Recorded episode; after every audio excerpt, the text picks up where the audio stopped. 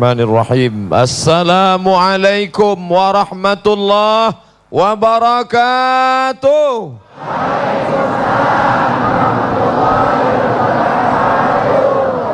Terdengar ucapan sambutan salam orang-orang yang ikhlas. Tidak ada balasan untuk pemberian nikmat terbesar selain daripada ucapan Alhamdulillahi Rabbil Alamin.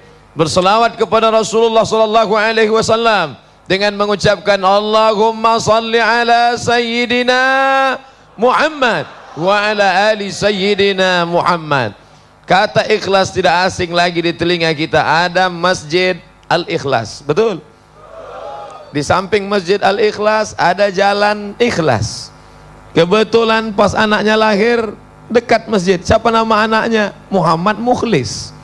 Nama sifatnya ikhlas. Orang yang punya sifat itu disebut mukhlis. Jamaknya mukhlisin, mukhlisun. Orang-orang yang ikhlas. Tapi ketika orang Islam ditanya, kamu sholat di mana? Masjid Ikhlas. Nama kamu siapa? Mukhlis. Artinya apa? Gak usah tanya-tanya. Dari dulu memang udah gitu.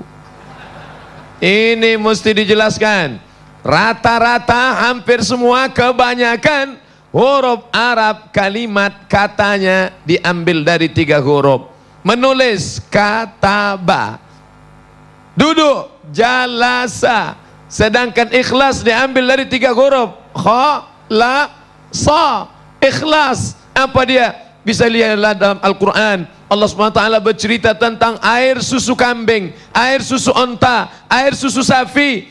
Dikatakan dia putih, bersih, tidak bercampur dengan apa pun. Padahal prosesnya di dalam membaini farfin di antara kotoran. Wadamin, darah. Di bawahnya ada kotoran, warnanya hitam di atasnya ada darah warnanya merah tapi dia bisa keluar warnanya khalisan berwarna putih murni tidak bercampur dengan apa-apa maka dari ayat ini dapat kita fahami makna ikhlas adalah murni tidak terkontaminasi dengan apa pun. Begitulah ikhlasnya kita kepada Allah hari ini. Tidak bercampur dengan apa pun kita datang ke majelis ini murni karena Allah subhanahu wa ta'ala. Allahu Akbar.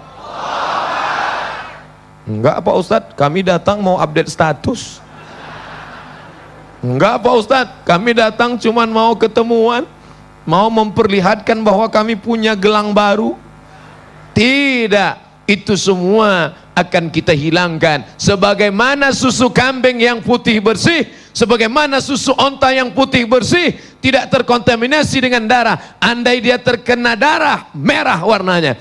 Andai dia terkena kotoran hitam warnanya tapi Allah bersihkan dia membaini farsi wadamin. Di antara darah dan kotoran itu ada makhluk yang putih bersih. Itulah dia kita minum.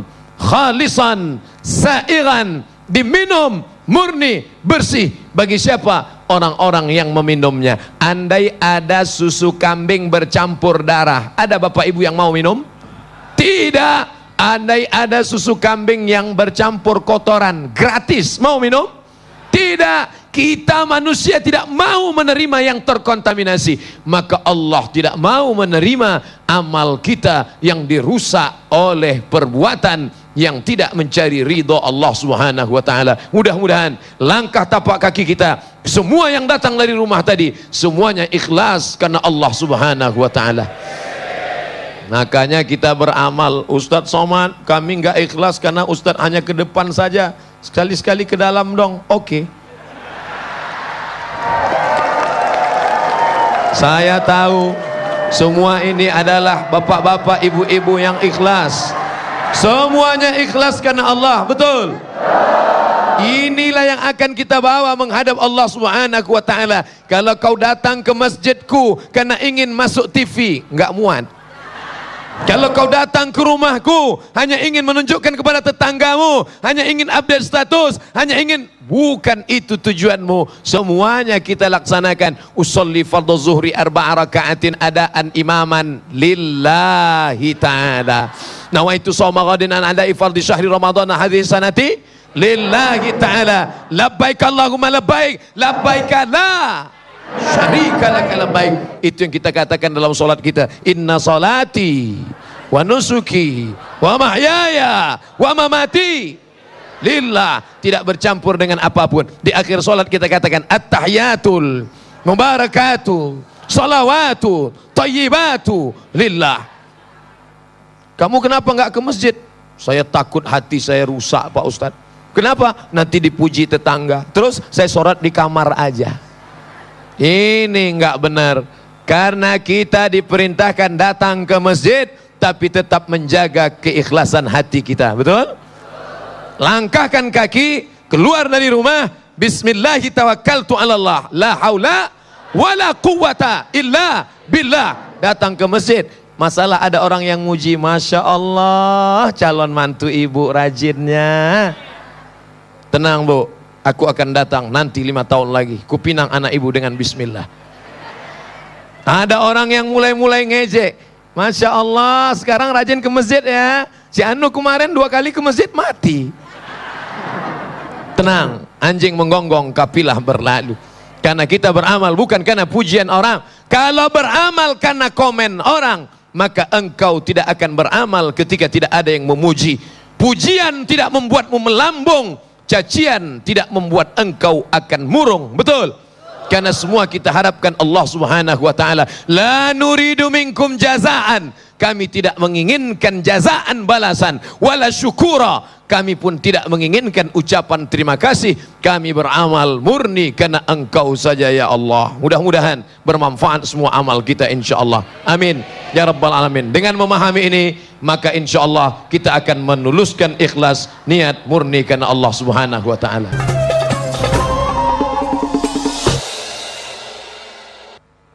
Ternyata ngelihat orang ikhlas itu hati tenang ya. Wajahnya ikhlas, tulus dan saya juga yang menyampaikan tema ini juga merasa tenang, sejuk. Kenapa? Karena orang-orang ikhlas doanya dikabulkan Allah Subhanahu wa taala.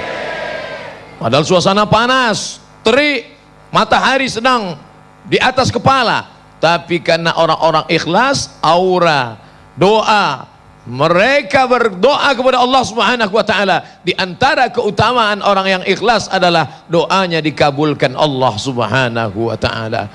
Makanya kita luruskan niat. Innamal a'malu binniyat. Segala amal akan dinilai dengan niatnya. Wa innama likulli ma nawa. Orang hanya akan mendapatkan sesuai dengan niatnya. Jadi ketika Nabi SAW mau pindah hijrah nah ini ngomong-ngomong tentang hijrah saya harus hijrah ke dalam kelihatannya hijrah dari kota Makkah menuju kota apa namanya? Yasrib, bukan Madinah, namanya Yasrib. Yasrib, tanah mati, tanah busuk, banyak penyakit, hama. Namanya Yasrib, tapi tentu tidak enak kalau dikatakan kamu mau pergi ke mana? Mau ke kampung tanah busuk, tanah mati, banyak penyakit. Akhirnya dirubah Nabi namanya menjadi Al-Madinah Al-Munawwarah. Sampai ke sana ternyata enggak semua yang pindah itu hatinya ikhlas. Ada yang dalam hatinya berkata wah di Madinah itu kan enggak ada pedagang. Semua di sana petani. Kalau kita orang Makkah pedagang tinggal di kampung orang petani pasti kita untungnya banyak. Kenapa? Mereka enggak ngerti bisnis betul? Yang satu lagi berkata kelihatannya kalau pindah ke Madinah bisa kawin lagi nih maka Nabi tahu apa yang ada dalam hati mereka. Lalu apa kata Nabi? Faman kana hijratu Allah wa rasulih. Siapa yang hijrah murni, tulus, ikhlas karena Allah dan Rasul, fa hijratuhu ila Allah wa rasulih, maka hijrahnya karena Allah dan Rasul akan dibalas oleh Allah dan Rasul. Faman kana hijratuhu ila dunya. Siapa yang hijrah karena ingin mendapatkan dunia, awim mara'atin yankihuha atau hijrah karena ingin menikahi perempuan Kebetulan ketika itu ada perempuan namanya Ummu Qais. Siapa namanya? Ummu Qais. Seorang laki-laki mau hijrah karena mau nikah dengan Ummu Qais. Akhirnya dia dipanggil dengan Muhajir Ummu Qais. Pindah, hijrah karena ingin menikahi Ummu Qais. Mudah-mudahan anak-anak muda kita, pemuda-pemuda hijrah, hijrahnya karena Allah Subhanahu wa taala. Kamu hijrah kenapa? Mau nikah sama dia. Nah ini namanya hijrah nikah. bukan hijrah karena Allah Subhanahu wa taala. Apa kelebihan orang yang ikhlas karena Allah? Maka dijanjikan Allah, setan, iblis ngaku, la atiyannahum min baini aydihim. Aku akan goda mereka dari depan, wa min khalfihim dari belakang, wa an aymanihim dari kanan, wa an syama'ilihim dari kiri. Fala tajidu aksarahum syakirin. Tidak akan kau dapati mereka bersyukur. Kita digoda setan semua, Bapak-bapak, ibu-ibu yang mau datang ke masjid ini tadi digoda setan dan yang sudah hadir ini semuanya insya Allah sudah lulus fit and proper test. Siapa yang bebas dari godaan setan?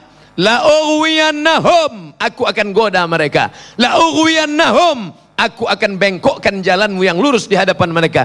Illa kecuali ibadaka hambamu. Minhumul mukhlasin kecuali hambamu yang ikhlas karena Allah subhanahu wa ta'ala. Maka yang dalam hatinya masih ada berkata-kata dalam hatinya masih ada tercampur-campur terkontaminasi dengan niat macam-macam Mari kita tuluskan niat karena Allah. Itulah mengapa para alim ulama, para kiai, para ustadz kita berkata, sebelum ngaji, sebelum pengajian, sebelum tablik akbar, Bapak Ibu hadirin hadirat, mari kita tajrid niat, mari kita bersihkan hati, tulus karena Allah Subhanahu wa taala. Apakah perlu dilafazkan di mulut? Terserah. Aku ngaji karena Allah, terserah. Atau di dalam hati saja, diam. Atau mulutnya bergerak kita enggak dengar.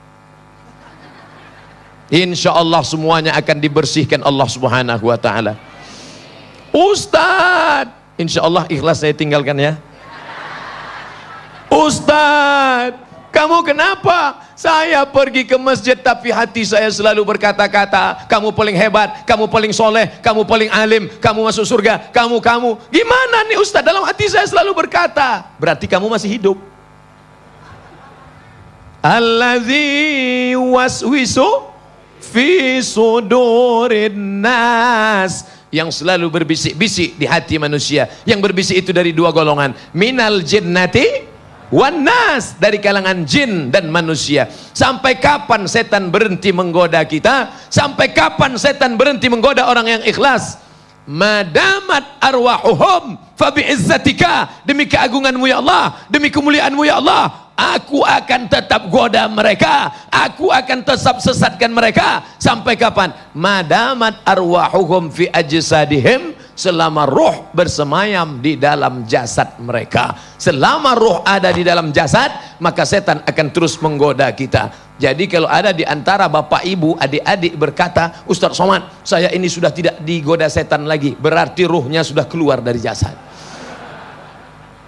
Maka selama di jalan ada orang yang muji, kita is istighfar, bukan istri. Istighfar di jalan, selama di jalan mau ke masjid. Astaghfirullah Rabbal baraya Astaghfirullah minal khataya. Assalamualaikum Pak Ustaz. Waalaikumsalam. Ustaz mau ke mana? Astaghfirullah Rabbal baraya. Walladzina idza fa'alu fahishatan. Orang-orang yang ketika ada bisikan dalam hatinya, maka dia langsung beristighfar. Astagfirullah. Makanya kadang nggak ada angin, nggak ada hujan, tiba-tiba tepok jidat. Astagfirullah. Loh, mas kenapa? Hatiku tadi rusak adinda. Suami yang satu lagi, astagfirullah. Kenapa mas? Ingat mantan. Alhamdulillah. Ada namanya amalan dibagi kepada tiga. Amal dibagi tiga. Salat. Amal badan apa amal harta? Amal badan. Takbir, rokok, sujud, amal badan. Zikir, subhanallah, subhanallah, subhanallah. Amal badan apa amal harta? Amal badan, mulutnya bergerak. Ceramah, ceramah ini amal badan apa amal harta? Amal badan. Masukkan duit ke kotak. Harta, zakat, wakaf, infak, sodako, wasiat, hibah, bangun masjid. Bingung. Harta apa badan? Amal harta campur dengan badan yang ikut gotong royong, ngecor, yang ikut bangun masjid, amal. Tapi ada amal hati, apa dia? Ik, ikhlas. Orang yang ikhlas badannya tidak beramal, uangnya tidak keluar, dia diam aja. Kamu sedang apa? Amal ikhlas. Jadi kalau begitu amal itu terbagi berapa?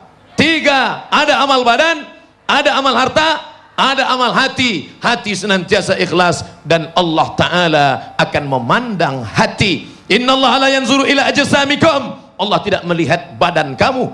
Yang gemuk, yang kurus sama dalam pandangan Allah. Makanya saya pede aja. Yang hitam, yang putih siapa yang paling mulia? yang paling ikhlas. Innallaha la yanzuru ila ajsamikum. Allah tidak melihat. Sekarang posisinya di tengah biar semua ikhlas innallaha la yanzuru ila ajsamikum. Allah tidak melihat badan kamu postur tubuh kamu wala ila suarikum. Allah tidak melihat wajah kamu. Walakin yanzuru ila qulubikum hati kamu wa a'malikum dan amal kamu. Ibu-ibu yang gagal diet nanti kalau suaminya kenapa kamu nggak kurus? Oh suamiku Allah tidak melihat bentuk tubuh. Allah tidak melihat rupa. Yang dilihat Allah adalah hati kita. Sudah dapat dalilnya kan itulah yang akan kita bawa menghadap Allah. Apa keutamaannya? Insya Allah semua kita akan menghadap Allah dalam keadaan ikhlas. Amin. Ya rabbal Amin. Ya rabbal alamin.